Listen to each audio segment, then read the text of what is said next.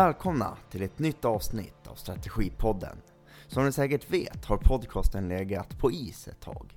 Men jag fick ett mail häromveckan om att jag hade fått en tid för intervju med Sveriges överbefälhavare Mikael Bedén, vilket jag givetvis inte kunde tacka nej till. Så därför har ni nu en ny sprakande intervju med Sveriges överbefälhavare Mikael Bedén. Om podcasten kommer tillbaka med något mer avsnitt, ja det får vi se. Per Mikael Bydén, varmt välkommen till Strategipodden. Tack så mycket.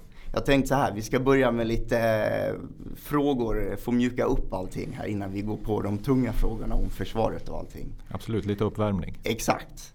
Så jag tänkte du ska få berätta lite kort bara, hur ser en vanlig måndag, eller vardagsmorgon ut för dig innan du går till jobbet? Ja, den kan vara egentligen, eh, den kan se väldigt olika ut. I morse så åkte jag raka vägen hemifrån tidigt och passerade gymmet. Och sen kom jag hit och så har jag hunnit ha ett, eh, ett första möte. Är jag hemma i Sverige så går ju ofta eh, transporten till högkvarteret och då är det in här och det kan vara, det kan vara ett möte, det kan vara egna förberedelser.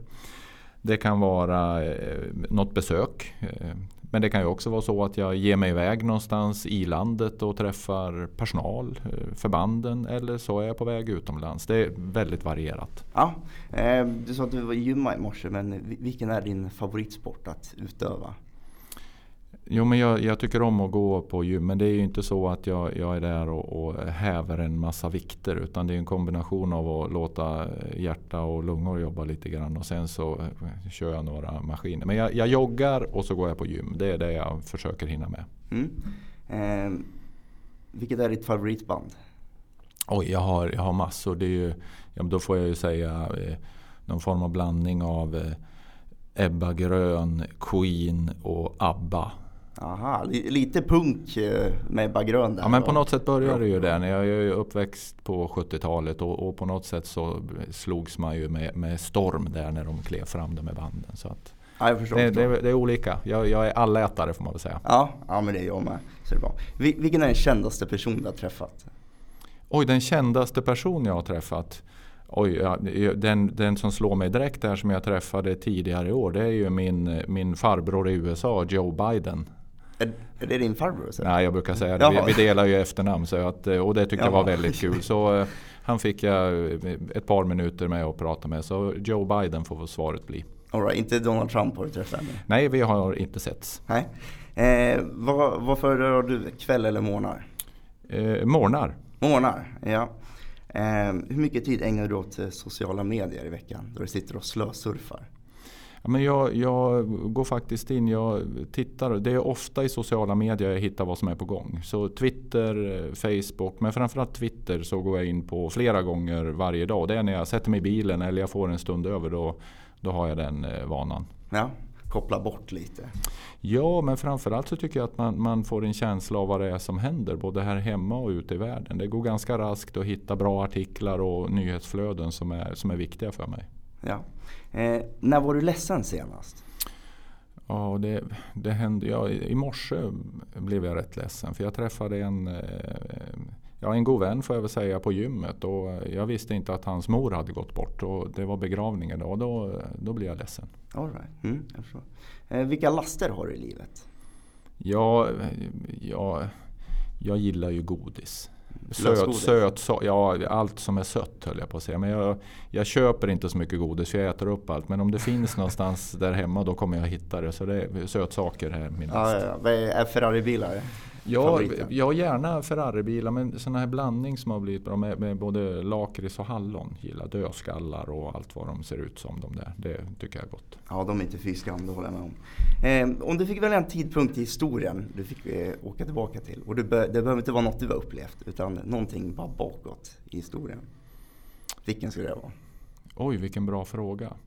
Eh, då skulle jag nog välja Ja, det 1793. Eh, vänta här nu. Ja, nej, det, det, det, kan jag inte. Nej, men jag, jag, bara, det är så här att jag läser en bok som heter så. Och den är så välskriven så att jag, jag det känns som att man går runt i Stockholm och ser framför sig hur det ser ut och man känner till och med dofterna. Så att eh, det, det, jag vet inte om det skulle vara särskilt bekvämt men det skulle vara väldigt intressant att se Stockholm på den tiden. Mm, och se hur platserna ser ut då mot hur de ser ut idag. Absolut. Jag förstår. Eh, vad får dig att slappna av? Eh, det är när, när jag har låst upp dörren och gått in eh, där hemma och jag stänger efter mig. Då, då åker både axlarna ner och, och pulsen går ner. Det är väl det som är det bästa jag vet. Mm, ja, det förstår jag. Och sista frågan här innan vi börjar på riktigt. Ja. Om du inte hade varit officer, vad hade du varit då? Ja, jag har egentligen, om jag ska gå tillbaka det jag valde mellan då, så, så var det ju det, var det här. Och min, eh, min far gav mig rekommendation att gå den här vägen. Att jag hade nog åkt tillbaka till hembygden, till Gnarp. Och, och förmodligen så hade jag ställt mig och försökt lära mig att laga mat. För jag hade, mina föräldrar hade en god vän som hade en restaurang där. Så att jag, ja, inte vet jag, jag har ingen fallenhet för att vara kock. Men jag hade nog börjat där. Sen vet jag inte. Ja, kock, det kan jag säga att det, det var min far. Det är mycket trevligt när man var ung och fick bra mat hemma. Faktiskt. Eller hur? Ja, bra smaksättning var det också.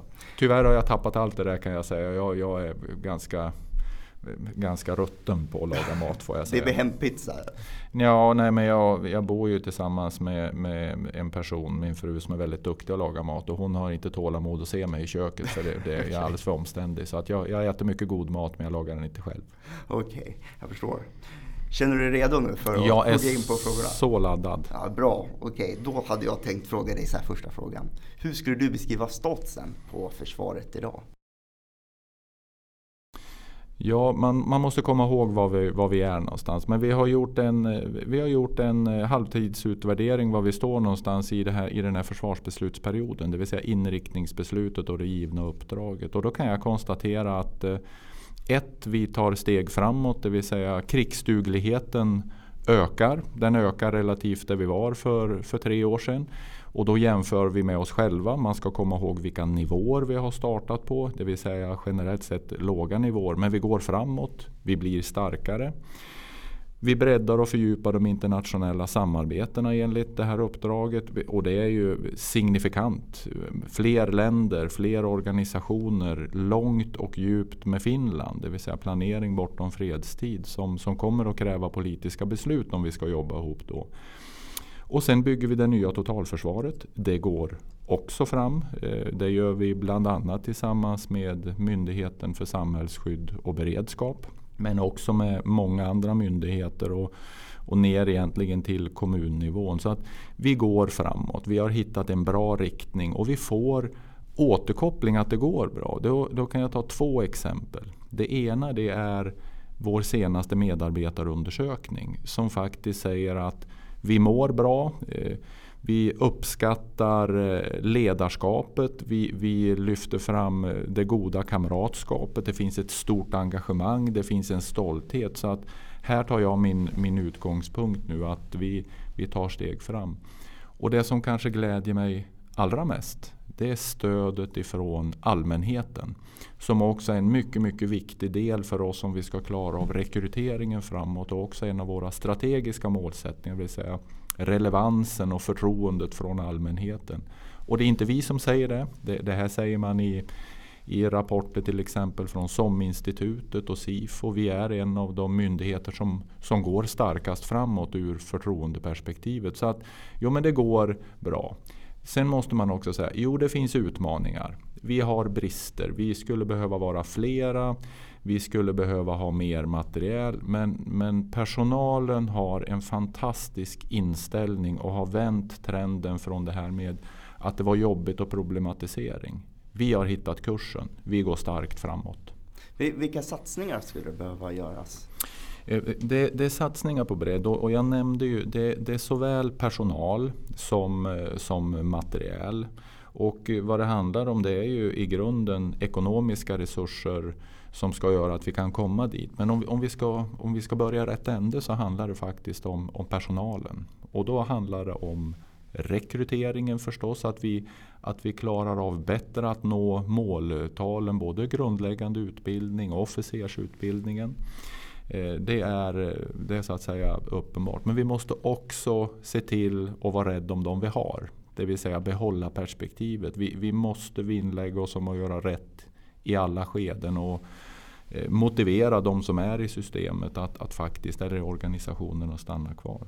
Sen handlar det om en rad investeringar och det börjar ju, det är fortfarande så att vi har behov ute på längst ut i verksamheten. Det är allt från mängdutrustning, utrustning för soldater och sjömän och sen hela vägen upp till sofistikerade materiellsystem.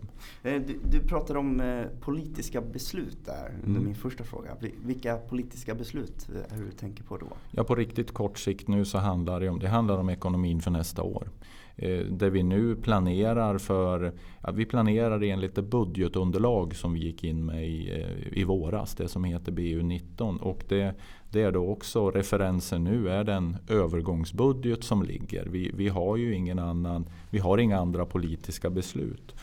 Och, och, det gör ju att eh, de konsekvenser som vi har pekat på de kommer ju att falla ut med den planeringen. Men samtidigt så, så hör vi ju och ser och känner av den breda politiska samsynen som finns kring säkerhet och försvar. Det vill säga det behövs mer.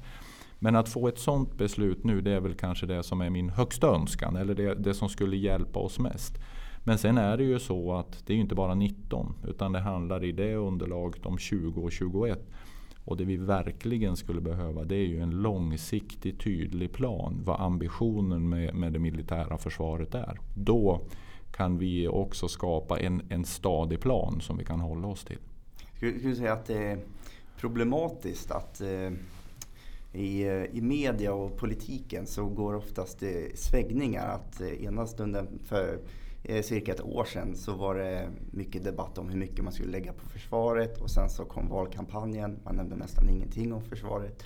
Skulle säga att det skapar eh, att det är jobbigt med de här svängningarna för det långsiktiga arbetet i Försvarsmakten? Ja, om, man, om, man, om man tar sin utgångspunkt i organisationen så, så var vi rätt eh, känsliga för den här typen av, av situationer tidigare. Om vi går tillbaks, vi kan gå tillbaks eh, tio år i tiden. Så, så, så, så fanns det en tendens att vi började vackla inför den här typen av situationer. Ett val eller nya signaler från den politiska nivån. Men men då kan man väl säga ett då, vi har, vi har hittat vi har hittat kursen utifrån det givna uppdraget och det här stärker oss just nu. Vi har hittat kursen, den bär precis som jag inledde med att säga. Vi blir starkare, vi känner att det bär, vi känner att vi, vi är uppmärksammade och att man är på väg att prioritera. Så nu kör vi enligt den planen. Det, det är å ena sidan. Men sen är det klart att det är ju inte helt enkelt när, när det blir för kortsiktigt fyra eller fem år för Försvarsmakten med de ledtider vi har att utbilda personal, att förbandssätta, att anskaffa materiälsystem som tar tid. Det, det, är väldigt kortsiktigt och det är därför jag lyfter egentligen hela tiden en långsiktig fastare plan till en ambitionsnivå så vi vet vad vi har att förhålla oss till. För då är det lättare att justera när det kommer förändringar i omvärlden. För det kommer det att göra igen. Men vi ser ju ingen ljusning som säger att vi, vi kommer att vara tillbaka där vi var för tio år sedan med, med eh, en mer stabil omvärld, inga överhängande hot eller risker över tiden. Utan vi ser ju att det är rätt turbulent nu. Vi ser en utveckling som är annorlunda och vi ser igen, vi, vi tror att det här kommer att hålla i sig. Och då måste man ha en god uppfattning om hur vi ska fungera om ett år och om fem år men också tio år bortom. Vad är det vi ska ha? Mm. Men hur mycket skulle du säga att den här regeringskrisen, eller vad man säger, regeringsbildandet ska jag kalla det. Eh, hur mycket påverkar det Försvarsmaktens verksamhet? Ja, just nu kan jag väl säga det påverkar ute i verksamheten, det påverkar ingenting. Det, det, är ju, utan nu, nu, där står vi stadigt och vi, vi har ökat eh, resursåtgången i beredskap, eh, dagligdags verksamhet och, och det håller vi i. Utan det, det som blir svårt och, och, lite komplext det är planeringssituationen och det är den personal som är nu i högkvarteret som ska lägga fast basen för vad, vad vi har för resurser kommande år. Det är klart att det blir svårt och också vad, vad förbanden ska planera med. Och vi kommer att ha en hög beredskap att ta emot förstärkningar. Oavsett om de kommer före jul eller efter jul. Men man måste förstå att för varje månad som går in på nya året så har ju vi också tappat eh, eh möjligheten att, att eh, ta hand om mer, att göra mer verksamhet, att, att klara av att utbilda fler. Så, så det är den delen som blir svår. Men den skarpa verksamheten behöver ingen gå och oroa sig för. Mm, jag förstår.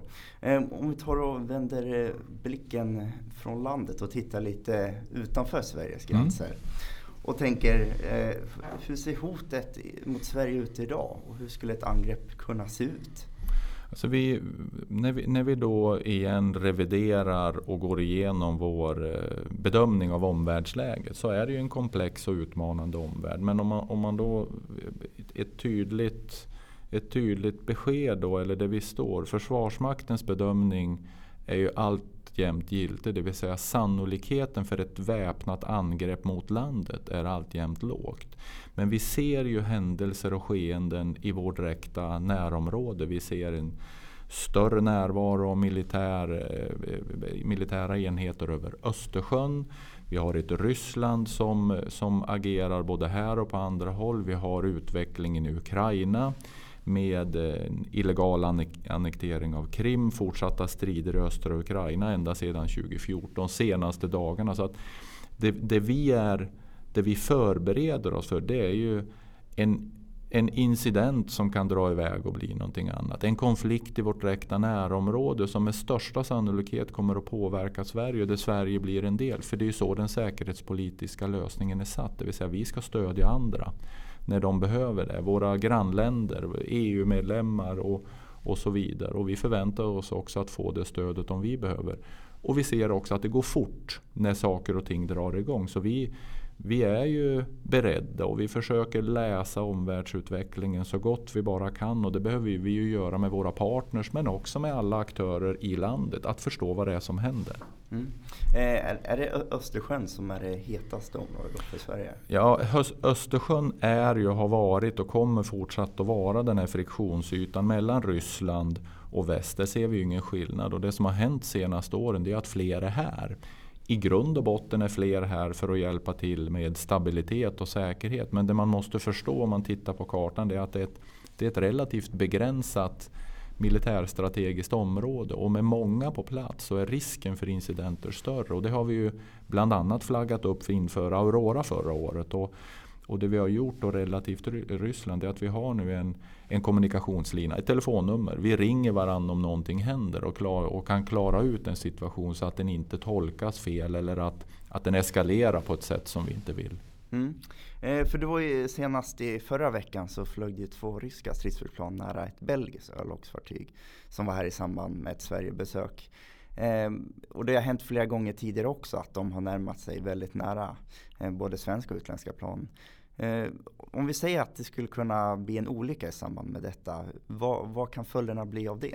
Ja, och det, det, är ju det, man, det är ju väldigt svårt att säga om det. Vi såg ju också ett exempel från 1987 här eh, precis i dagarna där, där man då lyft upp en, en händelse som man pekar på skulle kunna haft en mycket stor betydelse. Den SR-71 från USA som får ett motorbortfall och vi går in och, och egentligen eskorterar den över Östersjön för att hjälpa till. Men om, om, den hade, om det hade hänt någonting med den, eh, en nedskjutning, eh, störta, alltså då, då får man ju en annan dynamik på, på en helt annan nivå. Och det är det jag menar med om det skulle hända något, en incident, en, en helt oskyldig incident i grunden. Eller någonting som där någon agerar väldigt aggressivt och det går fel. Då är det mycket, mycket viktigt att man, att man kan prata med varandra. Att man kan reda ut den här situationen. Och framförallt kommunicera den. Att man är öppen och transparent med var man övar, hur man övar. Så, så att eh, motparten förstår det. Och händelsen som sådan, det måste man vara överens om vad det här är. Och det kan man bara vara om man pratar med varandra. Och nu har vi ju möjligheten att göra det. Men det blir nästan inte bara en tidsfråga innan någonting händer. När man ligger och gnider på gränserna hela tiden. Ja, det är ju så att riskerna ökar ju med den typen av beteenden. Nu är det inte så att det här sker varje dag. Men över tiden så ser vi ju att det kan öka under en period, under en övningsserie eller om det är en särskild verksamhet över exempelvis Östersjön. Eh, vi hade också eh, utmaningar med den här signalspaningsflygplanet från Ryssland som flyger i internationell luft eh, utan att ha sin transponder på. Det vill säga att man ser den inte på civil flygledningsradar. Ganska högt i rätt dåligt väder och i luft där det passerar mycket civil trafik. Det har ju också varit det är stora risker med det. Så att, jo men det är klart, ju fler, ju fler sådana här händelser Och ju mer aggressivt beteendet blir så är det klart att risken för en incident ökar. Mm. Eh, du, du, nämnde ju Rysslands annektering av Krim Eh, och du var på besök där förra året. Det, finns det paralleller att dra till Sverige därifrån utifrån vad som har hänt där? Att något liknande skulle kunna hända i Sverige och hur vi bemöter det? Om man, om man börjar med miljön där. Ja, det här är oktober förra året. Man ska komma ihåg att det här är rätt nära. Vi säger Östersjön då, men alltså vårt närområde är ju större än bara Östersjön. Man flyger från Arlanda till Kiev. Det tar två timmar och en kvart, 20 minuter. Det är inte mycket längre än att flyga till Bryssel. Och sen klev jag in i ett turbopropflygplan och så flög vi en timme ungefär eh, eh ost-sydost. Det är, ungefär som, det är kortare än att flyga upp till Luleå från Stockholm. Då är man på en kontaktlinje mellan Ukraina och då rysk, eh, rysk trupp på andra sidan i Donbassområdet. Å ena sidan ett första världskrigsscenario. Man har grävt ner sig i skyttegravar. Man skjuter på varandra, verkar mot varandra. Men man använder också de moderna systemen. Eh, obemannade farkoster, eh, elektronisk krigföring, strategisk kommunikation. Så det är en blandning av eh, olika saker. Kan då det här hända här? Vad är parallellen? Ja, jag tycker att man får se på om, om, man, om man tittar mer generellt så tror jag att man behöver, man behöver lära sig av den typen av konflikt. Det vill säga att tolka en situation så att man kan agera på ett sätt som man inte får den frusna konflikten. Om jag ska vara krass. Det vill säga, vad är det här för någonting? Vilka är här? Vem, vem, ska, vem ska ta hand om det? Är det en polisiär uppgift? Är det en militär uppgift? Vad har vi för, vad har vi för läge i landet? Så jag tror att här har vi att lära och det måste vi göra tillsammans mellan olika myndigheter, mellan samhället och näringslivet också. Det vill säga, vad är det som händer? Hur ska vi förstå läget? För det, det jag tror vad det handlar om det är att tidigt kunna agera. Att undvika att, eh, att hamna i den här situationen som man sen inte kan komma ur. Att man faktiskt agerar tidigt. Se till att lösa den konflikt som är på väg att blossa upp. Och var den kan hända? Ja, jag tror att det kan uppstå på många platser. Eh, hur stor är sannolikheten att den händer i Sverige? Ja, det, det vet jag inte. Det jag vet är att vi ser ju ingen tendens till något militärt direkt angrepp. Men det här är ju en annan typ mm. av skeende när det börjar. För jag tänker så här bara, om, det finns ju ändå likheter att dra med Gotland för exempelvis. Det är en ö som tillhör Sverige. Absolut. Eh, hur skulle det reageras om, det, om eh, ett par eh, okända separatister eller liknande, vad vi nu ska kalla det, trädde i land där och sa det här är, det här är vårt land?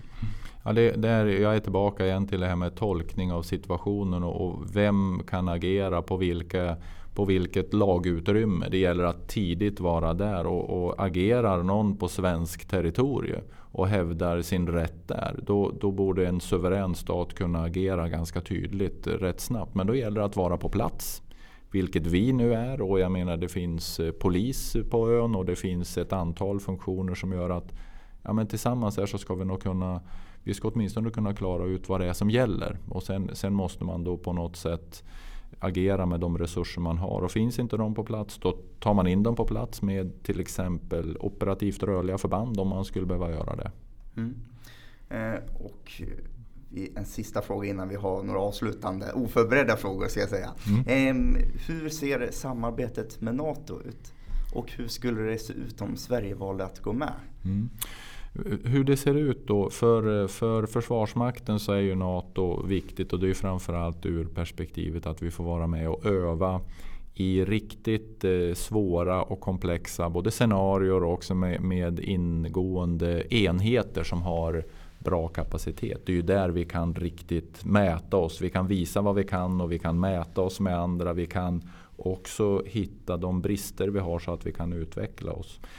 NATO-medlemskapet och det är ju du, det vet du mycket väl, det, det är ju helt och hållet en, en, ett val för landet att man skulle på något sätt gå in i en militärallians. Det är en politisk fråga. Den, den, den finns inte där. Det är inte så att vi, vi bereder den typen av frågor. Det man kan konstatera är att traktatsbundna samarbeten är ju då, om man ska prata garanti så finns ju där, den där på ett annat sätt. Men eh, vi gör vad vi kan varje dag för att vara den relevanta partnern utan att vara medlem. Det är det viktigaste just nu. Och det, det gör vi det eh, bilateralt mot NATO men vi gör också eh, mycket tillsammans med Finland så går vi in i olika typer av samarbete. Det är viktigt. NATO är den stora militära alliansen som finns. Så att, att vi måste visa och vara relevant partner i alla lägen, det gör vi. Vi, vi var med i Operation Unified Protector över Libyen.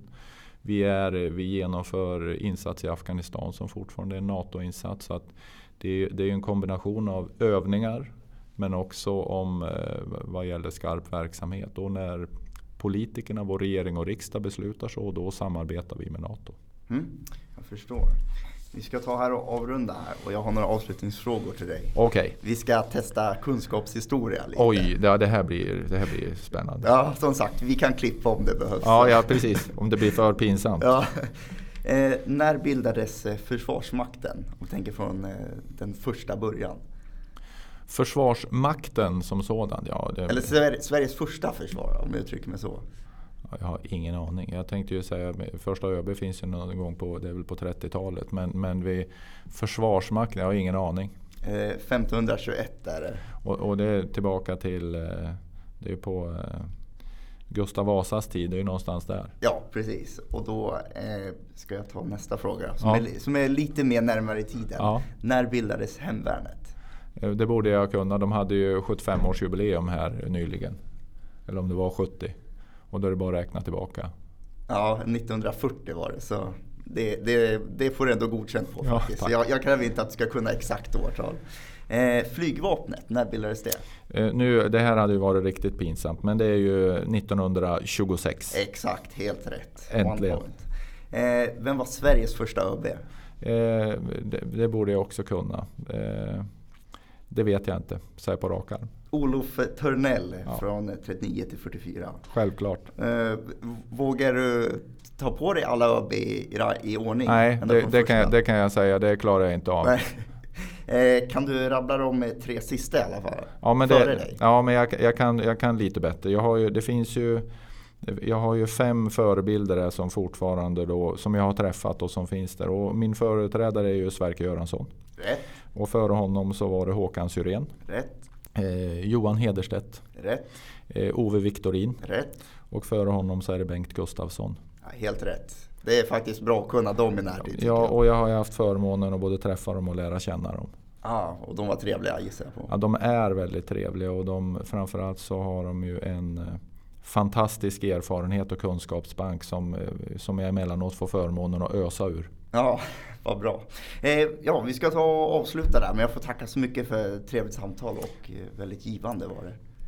Ja, men, men eh, nöjet är helt på min sida och jag är, jag är ju glad att få prata med en, en av mina egna, reservofficeren Karl. Och jag ser ju fram emot att du kommer tillbaka på heltid för vi, vi behöver dig. Jajamän, det ser jag också fram emot. Tack så mycket. Tack så mycket. Tack.